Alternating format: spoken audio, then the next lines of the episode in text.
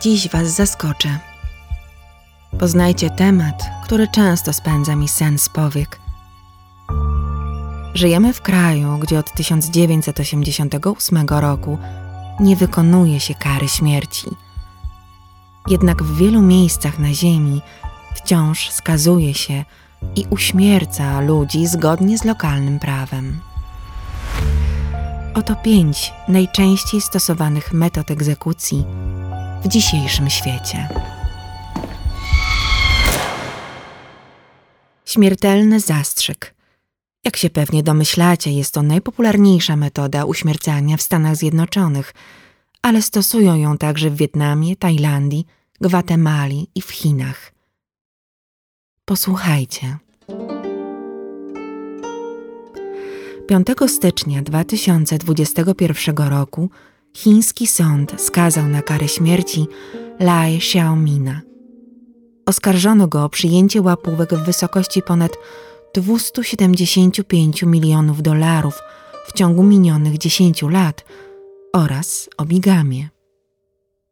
59-letni Xiaomin był przez 6 lat szefem China Huarong, jednej z największych państwowych instytucji finansowych. W kwietniu 2018 roku wszczęto przeciwko niemu dochodzenie i od razu usunięto z szeregów komunistycznej partii Chin. Chińskie władze twierdziły, że miał w swoim pekińskim mieszkaniu, tak zwanym supermarkecie, sejfy i szafy wypchane gotówką. Ponadto posiadał luksusowe samochody, sztabki złota, konto z milionami w banku na nazwisko matki oraz, jakby tego było mało, utrzymywał ponad 100 kochanek. Te ostatnie obdarowywał nieruchomościami wybudowanymi przez firmę związaną z Huarong. Miał dwie rodziny, stąd oskarżenie o bigamię. Ożenił się tylko raz i z tego związku miał córkę. Z drugą kobietą, z którą doczekał się dwóch synów, żył przez lata bez ślubu, ale i bez rozwodu z pierwszą i oficjalnie jedyną żoną. Skonfiskowano jego majątek od nieruchomości w różnych częściach Chin po luksusowe zegarki. Xiaomina stracono pod koniec stycznia 2021 roku. Otrzymał śmiertelny zastrzyk. Kara śmierci w Chinach wykonywana jest przez rozstrzelanie lub przez podanie śmiertelnego zastrzyku. Skazany nie może wybrać metody, tak jak jest to na przykład w niektórych stanach w Stanach Zjednoczonych. W każdym razie zastrzyk jest droższy i nie dla każdego. Słyszeliście o autobusach śmierci? Podobno jest ich w sumie 40 w Chinach i wykonuje się w nich wyroki śmierci. Transmisje z egzekucji oglądają wysoko postawieni urzędnicy. Czemu w autobusach? Bo najprawdopodobniej od razu po śmierci wycinane są skazańcom organy do przeszczepów.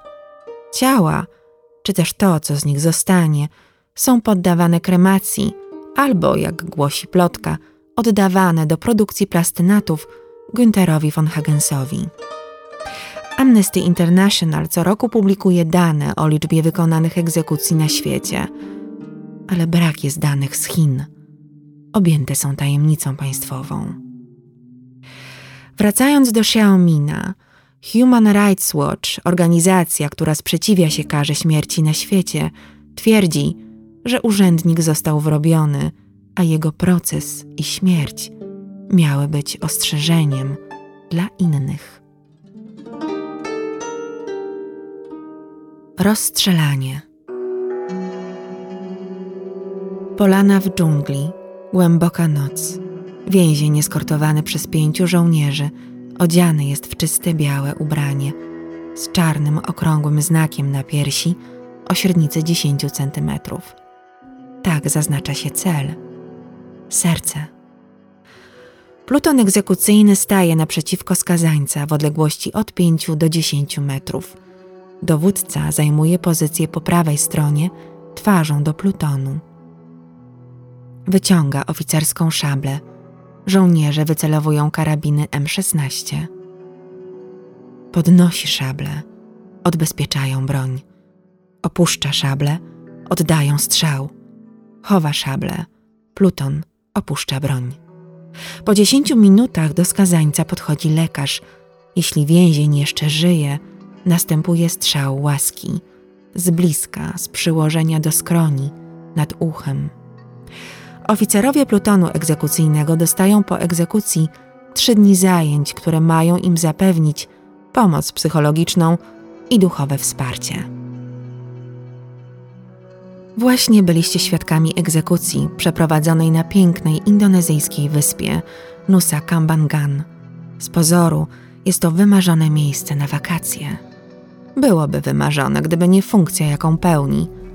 Na wyspie znajduje się więzienie o maksymalnym rygorze, w którym przebywają głównie więźniowie z wyrokami śmierci. Skazańcy dowiadują się o planowanej egzekucji na 72 godziny przed rozstrzelaniem – Niektórzy skazańcy mogą wybierać, jak zostaną zabici: na siedząco, na stojąco, na leżąco, z przepaską na oczach lub bez niej, w kapturze lub bez. Ręce mogą mieć skrępowane z przodu lub z tyłu, nogi związane albo przytwierdzone gumowymi opaskami do desek. Zamiast zwyczajowego jednego ślepaka i jedenastu ostrych nabojów, strzelcy z plutonu egzekucyjnego dostają jeden ostry i jedenaście ślepych.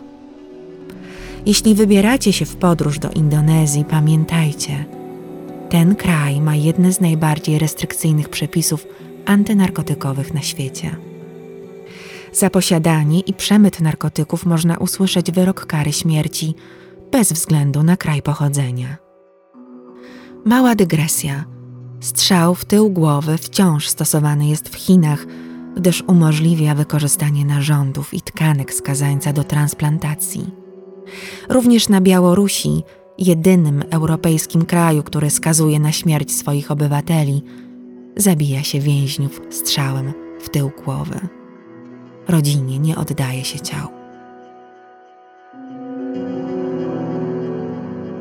Egzekucja poprzez wystrzelenie z armaty – dawniej i dziś. Skazańca przywiązywano do wyższej części armaty, do wylotu lufy, plecami do otworu. Kiedy wystrzeliwano z działa, głowa człowieka wylatywała na kilkanaście metrów w górę, ciało było rozrywane na strzępy. Zdarzało się, że gapie czy żołnierze stojący niedaleko obrywali fragmentami ciała, odnosząc poważne obrażenia. Karę stosowano w Imperium Mogołów w południowej Azji od XVI aż do XX wieku. Metodę stosowali również portugalscy kolonialiści XVI i XVII wieku, od Ceylonu po Mozambik i Brazylię. Jednak najczęściej skazywano na śmierć przez wystrzelenie z armaty w Imperium Brytyjskim. W Indiach zwykle w ten sposób karano żołnierzy lokalnego pochodzenia – za bunt i dezercję aż do końca XIX wieku. Oficjalnie ostatni raz wykonano ten typ egzekucji w Afganistanie w 1930 roku. Nieoficjalnie wiadomo, że do takich czynów posuwała się Armia Czerwona, gdy w 1939 roku wkroczyła na wschodnie tereny Polski. Czemu Wam o tym opowiadam? kontekście dzisiejszych metod? Posłuchajcie o pomysłach dyktatora. Współcześnie metodę stosuje się w Korei Północnej. Informacje o krwawych pomysłach Kim Jong-una dosłownie podnoszą włosy na głowie. Jedna z uciekinierek z Korei opowiedziała o egzekucji 11 filmowców oskarżonych o kręcenie filmów pornograficznych – na stadionie w obecności 10 tysięcy zwiezionych, przypadkowych widzów przywiązano skazańców do dział przeciwlotniczych. Byli związani, mieli zasłonięte oczy i zakneblowane usta, by nie mogli krzyczeć. Ich ciała dosłownie znikały w chwili wystrzału, a wnętrzności fruwały w powietrzu. Na koniec egzekucji wjechały czołgi, by rozjechać to, co zostało ze straconych. podobny sposób północno-koreański dyktator rozprawia się nawet z członkami rodziny. Wachlarz jego sposobów na poniżanie i uśmiercanie wrogów narodu jest naprawdę szeroki. Ścięcie i współczesne ukrzyżowanie. 23 kwietnia 2019 roku w Arabii Saudyjskiej stracono podczas masowej egzekucji 37 więźniów. Skazani za terroryzm po procesach, w których ich zeznania były wymuszane torturami, zostali ścięci mieczem w tym samym czasie w kilku różnych miejscach, między innymi w stolicy, w Riyadzie oraz w świętych miastach Mekce i Medynie. Egzekucję wykonano, cytuję, zgodnie z wymogami szariatu, czyli prawa kanonicznego. Bicie elektrycznymi pałkami i łamanie kości, a w końcu egzekucja to jednak było za mało dla oprawców. Ciało jednego z mężczyzn, już bez głowy, ukrzyżowano i wystawiono na widok publiczny przez trzy dni. Wśród 37 ofiar było 32 szyitów, co oznacza, że procesy i egzekucje miały charakter polityczny. Wiadomo, że jeden ze skazanych miał 16 lat, gdy go aresztowano. Ukrzyżowanie nie jest nietypową karą. W przypadku przestępstw najcięższych, według lokalnych arabskich władz, skazańcy giną na krzyżu. W 2018 roku w ten sposób stracono mężczyznę oskarżonego o dwa morderstwa i gwałt. W krajach arabskich stosuje się najbardziej widowiskowe metody, by nasycić żądze zemsty i zaangażować tłum wykonywanie wyroku. Wykrwawianie się, kamienowanie, zepchnięcie ze skały to jedne z najczęściej wykonywanych dzisiaj egzekucji.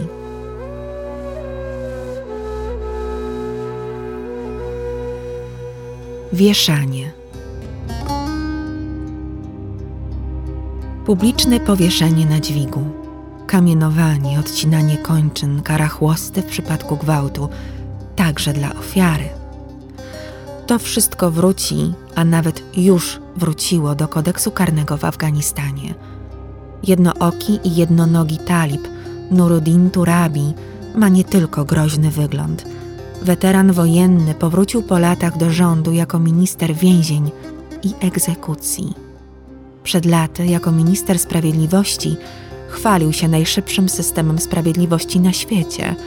Po schwytaniu przestępcy, już następnego dnia dokonywano na nim publicznie egzekucji na największym stadionie w Kabulu. Propagowanie cnót i zapobieganie występkom przez Turabiego przejawiało się na każdym kroku – Dostawał histerii, gdy w tym samym pomieszczeniu przebywała kobieta. Policzkował dziennikarzy, którzy zadawali mu niewygodne pytania. Sprawdzał, czy brody mężczyzn spotykanych na ulicy nie były przypadkiem za krótkie. Teraz obiecuje powrót do dawnych praktyk. Złodziejom każe amputować dłonie, a wszystko publicznie. W wywiadzie udzielonym Associated Press mówił – Ludzie muszą widzieć, czym grozi popełnianie przestępstwa, jaki wstyd przynosi sprawcy. Odcięcie rąk jest bardzo potrzebne dla bezpieczeństwa.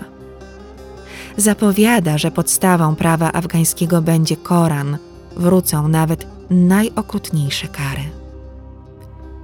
Według Amnesty International i ONZ przez ostatnie lata spadała liczba kar śmierci i okaleczeń w Afganistanie – w 2020 roku odnotowano przypadki złagodzenia wyroku śmierci, a nawet ułaskawienia.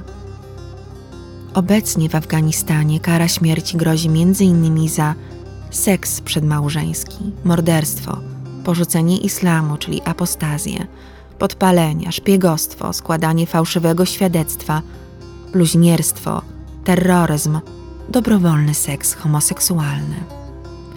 Nie jest to tylko teoria. W Heracie przywiązano do słupa dwóch młodych mężczyzn oskarżonych o kradzież chleba. Na dźwigu powieszono porywacza dzieci. Kabulu obwożono nagich mężczyzn oskarżonych o kradzieże, upokarzanych zgodnie z Koranem. Szef dyplomacji Unii Europejskiej skomentował bieżące wydarzenia, podkreślając, że Afganistan stoi w obliczu, cytuję, poważnego kryzysu humanitarnego. W 2020 roku wykonano co najmniej 483 egzekucje na świecie.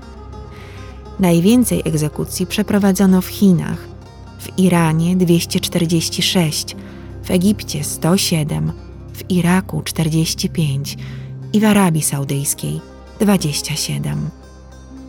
Pomyślcie o tym, zanim wybierzecie się do jednego z tych krajów. Ostrzegam też, że Indie, Oman, Katar i Tajwan wznowiły egzekucje.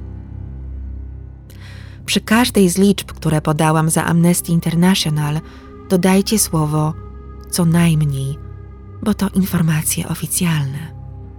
W przypadku Chin liczba ofiar nie jest znana, gdyż liczba wykonywanych egzekucji, jak mówiłam, pozostaje tajemnicą państwową. Iran, Korea Północna i Wietnam być może dorównują pięciu wymienionym krajom, ale oczywiście nigdy się nie dowiemy, ile osób skazuje się tam i posyła na śmierć. Na koniec nieco lżejsza, choć wciąż mało przyjemna historia. Areszt hrabstwa Oklahoma około północy 30 listopada 2019 roku. Dwóch 21-letnich funkcjonariuszy, Gregory Corner Butler i Christian Charles Miles, zamknęło aresztanta Josepha Michela w pustym pokoju odwiedzin na ósmym piętrze. Mężczyzna został sam, zakuty za plecami w kajdanki, przymocowane do ściany. Przez niemal cztery godziny musiał słuchać zapętlonej piosenki Baby Shark, cały czas stojąc. Muzykę odtwarzano z komputera w drugim pokoju. Słyszeli ją wszyscy w pobliżu, bo echo niosło się po korytarzach aresztu. Mitchell i trzej inni aresztowani mężczyźni złożyli pozew przeciwko szeryfowi hrabstwa, komisarzom okręgowym, więziennemu trustowi i obydwu byłym już funkcjonariuszom w sądzie federalnym. W pozwie określono wykorzystanie piosenki okrutnym i nieludzkim, które doprowadziło do nadmiernego stresu emocjonalnego. Butler i Miles oraz ich przełożony sami odeszli z pracy, gdy rozpoczęło się wewnętrzne dochodzenie przeciwko nim – tłumaczyli się, że puszczanie piosenki miało być żartem. Niestety nie było odpowiedniego paragrafu, by ukarać żartownisiów. Jedyną karą było ich przymusowe odejście z pracy. To niefortunne, że nie mogłem znaleźć ustawy o przestępstwie, która pasowałaby do tego scenariusza, powiedział dziennikarzowi The New York Times prokurator, który zajmował się pozwem. Piosenka Baby Shark dręczy rodziców od 2015 roku. Teledysk na YouTubie ma już ponad 10 miliardów wyświetleń. W lipcu 2019 roku w West Palm Beach na Florydzie piosenka Baby Shark posłużyła do odstraszania bezdomnych. Lokalni urzędnicy wpadli na pomysł, by puszczać zapętlony dziecięcy hit i tym sposobem przepędzić niechcianych gości zbierających się na noc w parkach i miejscach przeznaczonych na imprezy. Na koniec dodam, że w Guantanamo puszczano więźniom muzykę heavy metalową, by złamać ich opór. Oby wykorzystywano jedynie takie tortury, jak Baby Shark.